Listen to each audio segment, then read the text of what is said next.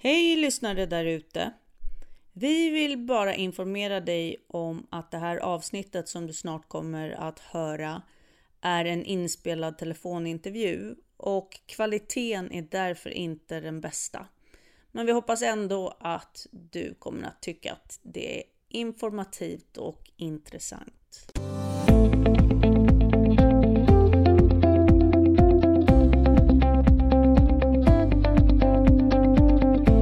Du lyssnar nu på Lungcancerpodden med Jan och Ragnhild. Hej och välkomna! Idag kommer vi fortsätta på temat resa med en cancerdiagnos. Idag kommer det främst att handla om SOS International, vilka är bra att känna till om du tycker om att resa och en sjukdomsdiagnos eller, eller om du är närstående. Med mig i studion har jag Ragnhild som co-host igen. Hej hallå, Ragnhild! Hallå. Och vi har också bjudit in Charlotte Bjerregard som är kundansvarig på SOS International. Och du sitter på kontoret i Köpenhamn, eller hur? Ja, det stämmer. Ja. Det stämmer. Och trots ditt danska namn så talar du ju svenska. Bjärregård kanske man säger. det säger man ja. Men, Ja. ja, ja, Ja. ja, jag är svensk. Ja. Okej, men eh, Charlotte, eh, förklara för oss vad är SOS International och eh, vad fyller ni för funktion? Ja, men SOS International är en assistansorganisation. Och man kan säga att det är som försäkringsbolagens förlängda arm ut i världen när det gäller just eh, reseassistans. Och det betyder att det som ingår i reseskyddet eller reseförsäkringen man har, det kan vara allt från eh, bagageförseningar eller flygförseningar till avancerade medicinska eh, transporter eller att vi skickar ut sådana här eh, kris och katastrofteam när det är eh, naturkatastrofer och sånt. Så det är ett ganska brett omfång som vi sitter med. Men, men för försäkringsbolagen som är våra kunder kan man säga. Är det något nordiskt samarbete eller varför sitter ni i Danmark? Ja, vi sitter egentligen av historiska orsaker i Danmark och det var när man på 60-talet kände att man behövde samla den här typen av tjänster 24-7. Det var inte så vanligt då att ha 24-7 tjänster. Eh, så blev det liksom en naturligt att samla för hela Norden i, i Danmark och vi ägs av 13 nordiska försäkringsbolag. Ja, just det. Vilka svenska försäkringsbolag ingår hos er? Ja, men det gör de fyra stora kan man säga. Det gör Länsförsäkringar, Trygg-Hansa, If, Folksam och även Dina eh, försäkringar. Så vad gör man då eh, om man inte har något av de försäkringsbolagen? Vad vänder man sig då? Ja, har man till exempel, man kan ju ha en reseförsäkring via ERV eller Europeiska ERV eller Gauda. Eh, och då är det till dem man ska, det är egentligen alltid det försäkringsbolaget man har och det finns även en annat, ett annat eh, assistansbolag också som heter Falk och det är något enstaka hemförsäkringsbolag som använder dem. Okej, men för våran del då, som vi har kunnat läsa oss till, så behöver vi göra en medicinsk förhandsbedömning när vi ska ut och resa. Vad är en medicinsk förhandsbedömning?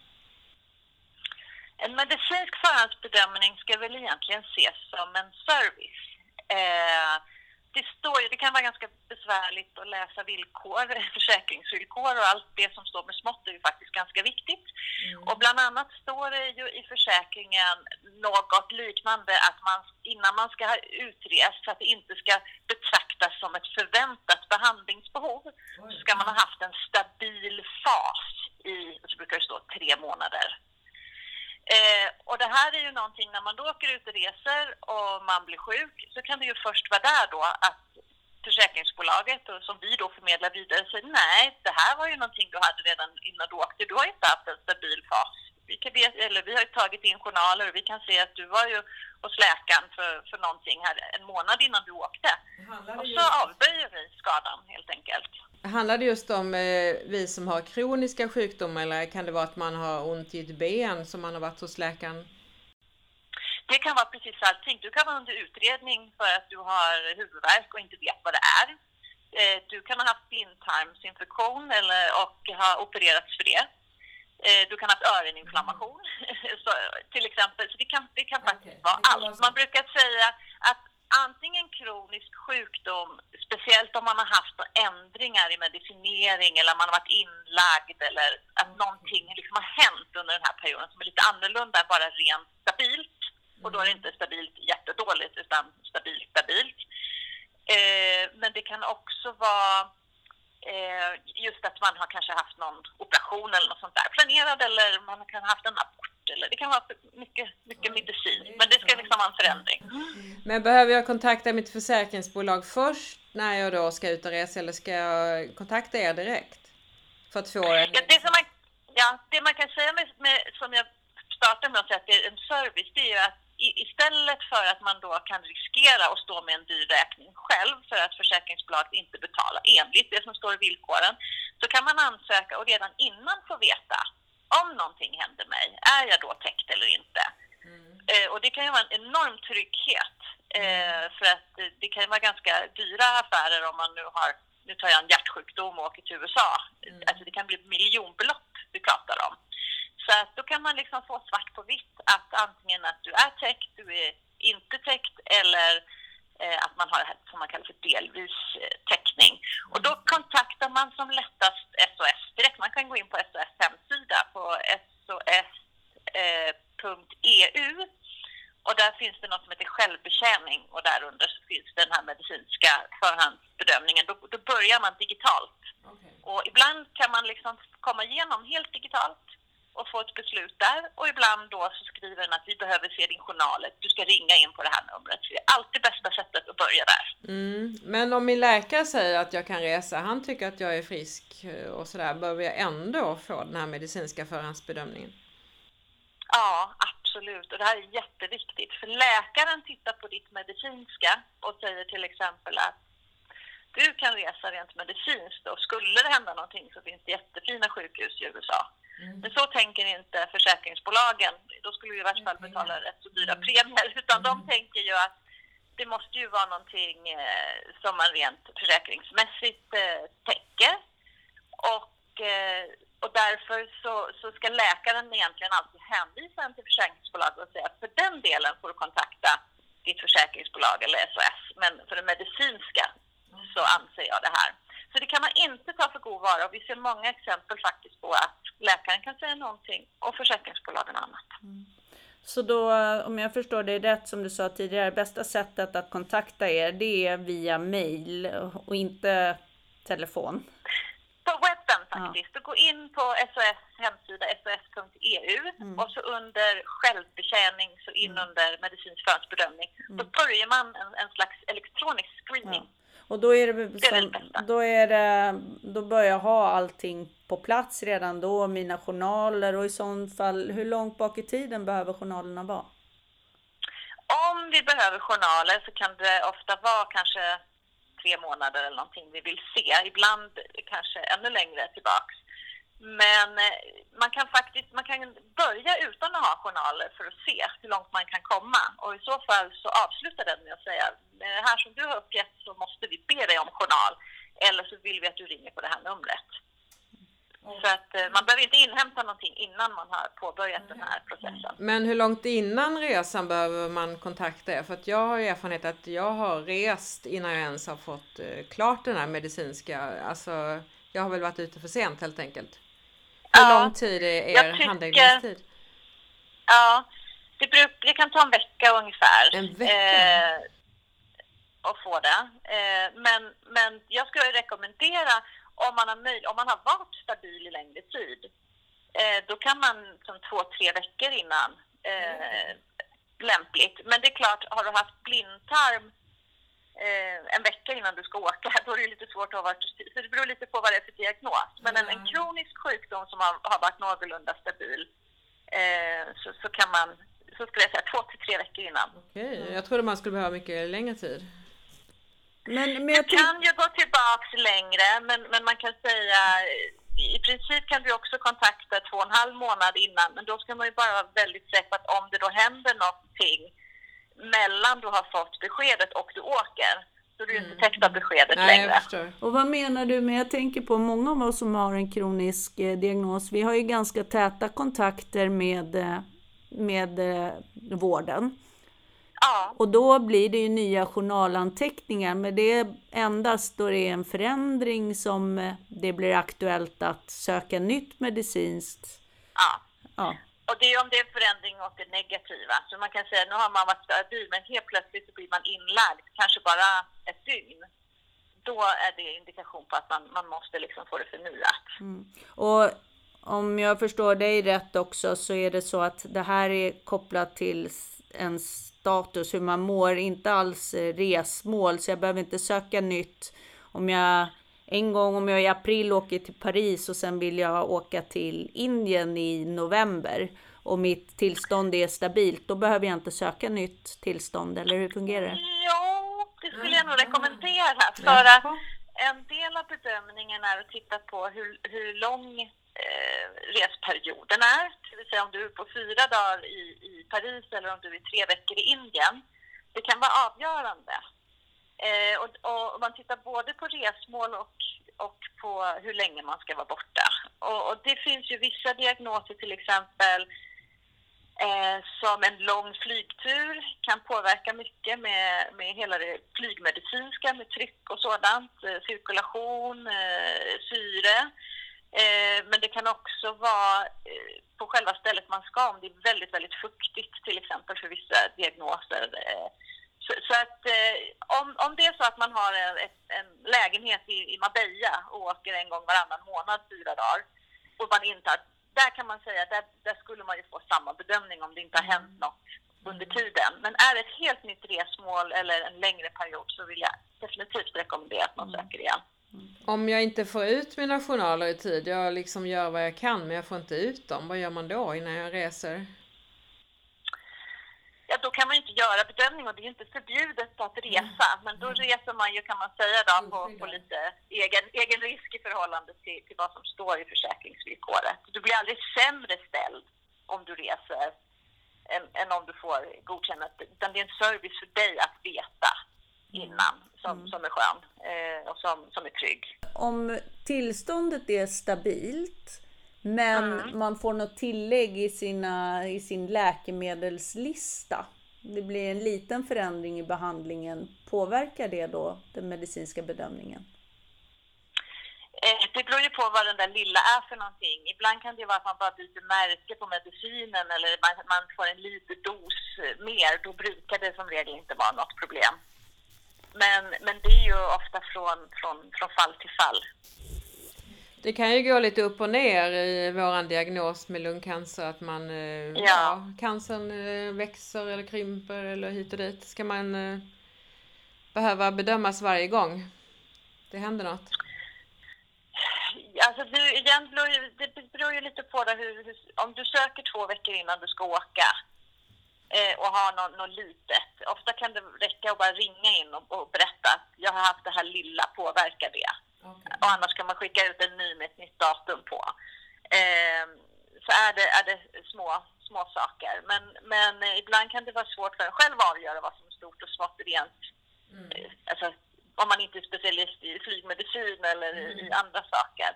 Så att generellt brukar inte små ändringar vara något problem. Men, eh, men, men eh, jag skulle nog för säkerhets skull informera om det. Det kan ju vara lite omständligt så här och sammanfatta, få iväg alla sina journaler. Kan det fungera att man egentligen ber sin, i, i vårt fall så är det vår onkolog som är ansvarig läkare, kan man be honom om ett sammanfattande en sammanfattande journalanteckning som beskriver vårt tillstånd, våra behandlingar och att det räcker som en sammanfattning på de tre månaderna eller måste ni ha separata journalanteckningar? Det brukar, man brukar väl skilja på om det är en journal som är lite mer omfattande eller en epikris som är mer sammanfattande när vi frågar efter, efter något. Eh, så, så, alltså har man en sån liggande så kan det vara fint. Så, så får, kan vår läkare titta på det och bedöma efter. Och behöver de mer så kommer de att fråga efter det. Så Och då säga kan till exempel, då, det här besöket, det och det datumet, där skulle jag vilja se själva journalanteckningen eller någonting. Kan man få omprövat ett beslut när ni har nekat till eh, fullt skydd? Vem är högsta instans? Är det ni eller läkaren? Ja, alltså det, det, är ju, det är ju ingen som förbjuder en från att åka. Det är ju, man kan säga det är en, en bedömning. Men är man väldigt missnöjd eller kan absolut inte förstå så kan man be oss om att titta på det igen och få liksom en second opinion på det. Det finns ju olika Men läkare hos er som kan bedöma olika kanske.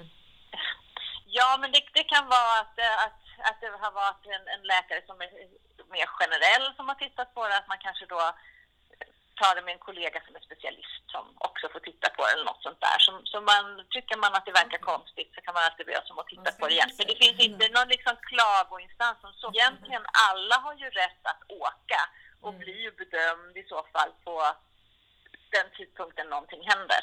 Lite mer praktiskt, vad innebär försäkringsskyddet? Så vad är till exempel skillnaden fullt eller delvis täckning? Vad betyder det? När det står full täckning så motsvarar det att du reser precis som om du vore fullt frisk. Eh, det vill säga att du är täckt på, på villkoren oavsett vad, vad man ska säga som händer. Också om det har någonting med din diagnos att göra, att det blir någon förvärring eller någonting som tillstöter. Eh, om det står delvis täckning så är det oftast själva diagnosen som är undantagen. Det betyder att om du nu har din eh, cancerdiagnos, eh, inte har fått full täckning utan delvis täckning, men du eh, snubblar ner för en trappa och bryter benet. Då täcks ju självklart alla medicinska kostnader som har med det här benet att göra, som inte har någonting med din cancersjukdom att göra. Okej. Jag tänker på just det här med delvis täckning. Om jag redan har beställt min eh, resa och sen så kom jag på oj, jag måste kontakta SOS International och så skulle jag få svaret att jag inte har full täckning. Har jag då rätt att använda det som argument när jag avbeställ, om jag vill avbeställa min resa? Avbeställningsförsäkringarna säger att det ska vara en akut sjukdom eller en akut förvärring. Så där tittar man ju då, där kommer försäkringsbolag att titta på hur såg eh, läget ut när du beställde resan. Okej, så då om jag förstår det rätt, då gör man bäst i att först kolla mer om man, är, om man har täckning och sen boka resan då med avbeställningsskydd. Eh, ja, det kan man göra. Det kan man göra, absolut. Eh, och sen kan man säga många har ju hemförsäkring, alltså har ju redan en årsreseförsäkring eller resskydd i, i, som tillägg i sin hemförsäkring och även med avbeställningsskydd. Eh, så, så den är liksom en löpande försäkring och då, då kan man ju som sagt höra sig för hur det skulle se ut redan innan man, innan man bokar eller välja att boka lite sent så att man eh. Men det kan ibland vara lite problematiskt när man kanske vill ha de billiga biljetterna eh, som är långt innan och man kanske har varit inlagd för inte så länge sedan eller har varit någonting. Då kan det bli problematiskt med, med avbeställningen. Mm. Vad händer om jag inte har genomgått en medicinsk förhandsbedömning och något skulle hända som rör min sjukdom på resan? Kommer jag då att få betala det själv, kanske en hemtransport? Ja, det blir bedömt eh, då, vid det tillfället. Då ska man ju titta på, var det här något förväntat eller inte? Så att egentligen blir du ju bedömd på skadetidpunkten kan man säga istället. Så att du blir inte straffad, men som sagt, eh, och, och det är därför jag hela tiden säger att det är en service. Det är ingen som är tvingad att göra en, en, en förhandsbedömning. Det ska vara för en själv för att man ska känna sig trygg när man åker och att man själv kan välja. Vill jag åka och ta den här faktiskt ekonomiska risken eller inte? Vad bör jag tänka på om jag behöver få vård på resan? Alltså även om jag har gjort den här medicinska förhandsbedömningen. Vad ska jag tänka på för att få ersättning? Förutom att eh, ta med det blå eh, försäkringskassekortet. Vad ska jag mer tänka på? Ja, men all dokumentation är viktig. Eh, så om man får nå, kan få någon utskrift och journal eller någon medicinsk rapport och kvitton och, och sådant. Eh, sen får man jättegärna, man får jättegärna ringa till SOS International även om det inte är jätteallvarligt. Utan vi, eh, man kan ringa in för att få rekommenderat en klinik eller ett sjukhus eh, från oss. Eh, och det är också en av anledningarna till det att det finns vissa sjukhus som överbehandlar för att de har ett medicinskt eller ett ekonomiskt incitament att göra det. Och då har vi ju utvalda leverantörer som vi har samarbetat med i många år och som vi i respektive områden så att vi har rekommenderade kliniker som vi skickar vidare till. Så jag är ju bäst i att, eh, att kontakta er före jag kontaktar mitt försäkringsbolag eller vilken är den bästa turordningen? Ja, eh, alltså, om du är ute på själva resan så, ska du, så kontaktar du oss eh, hos SOS, det gör du. Då kan vi både hänvisa dig till att, eh, den här kliniken och så kan vi ju hjälpa till också om det är några större betalningar och sånt och skicka eh, garantier så att man kanske själv slipper lägga ut och då kan man också få, få den delen. Gäller det här worldwide? Det är alla länder i världen? Det är alla länder, ja. Det är det. Finns det någon maxtid hur lång en, eh, en sån resa får vara?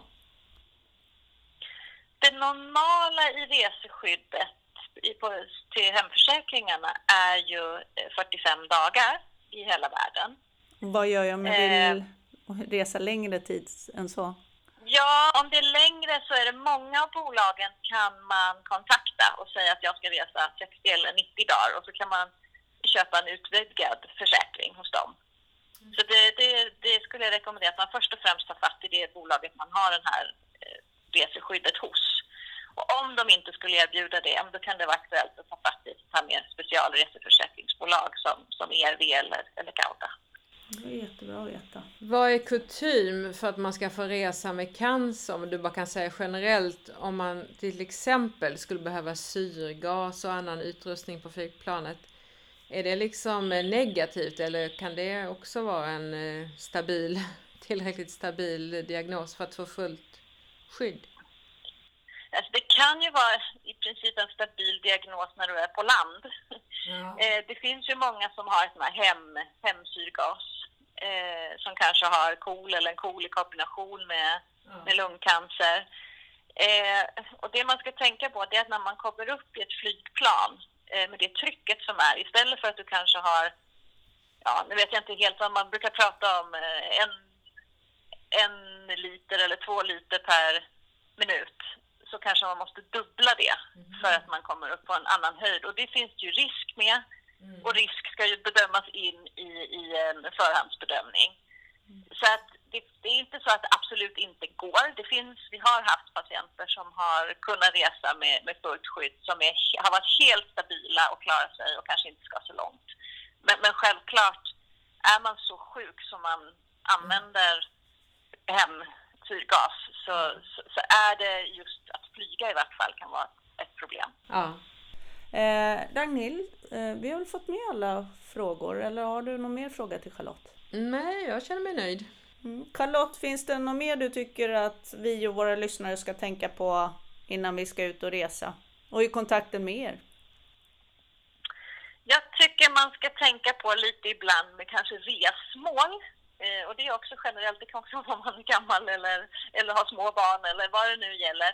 Att tänka att man inte bara har sin bucket list som man vill igenom här, här i livet och, och även om man, är, om man är 92 år och vill klättra i, i bergen eller om man är långt borta eller om man är ung med småbarn och, och beger sig till konstiga öar där det är väldigt, väldigt långt till sjukvård. Lite sådär, var lite klok vart man reser. Och det behöver inte bli en bättre resa bara för att man åker väldigt långt. Utan det finns väldigt trevliga resmål också i Europa. Och det är egentligen för att Och i Sverige. upplever- Och i Sverige. ja, Sverige är ju Europa. Man kan åka tåg Ja, det är det. Men vi upplever ju ibland att, eh, att man liksom utsätter kroppen för både lång flygresa och, och det är faktiskt en ganska stor omvändning när man inte är helt frisk att flyga. Eh, och sen är det kanske tidszoner man ska igenom, man kommer till andra klimat, andra bakteriefloror och allt möjligt. Så att, så att lite tänka, om man vill ha ut det bästa av semestern, tänka ut ett, ett, vad kunde vara ett förnuftigt resmål här.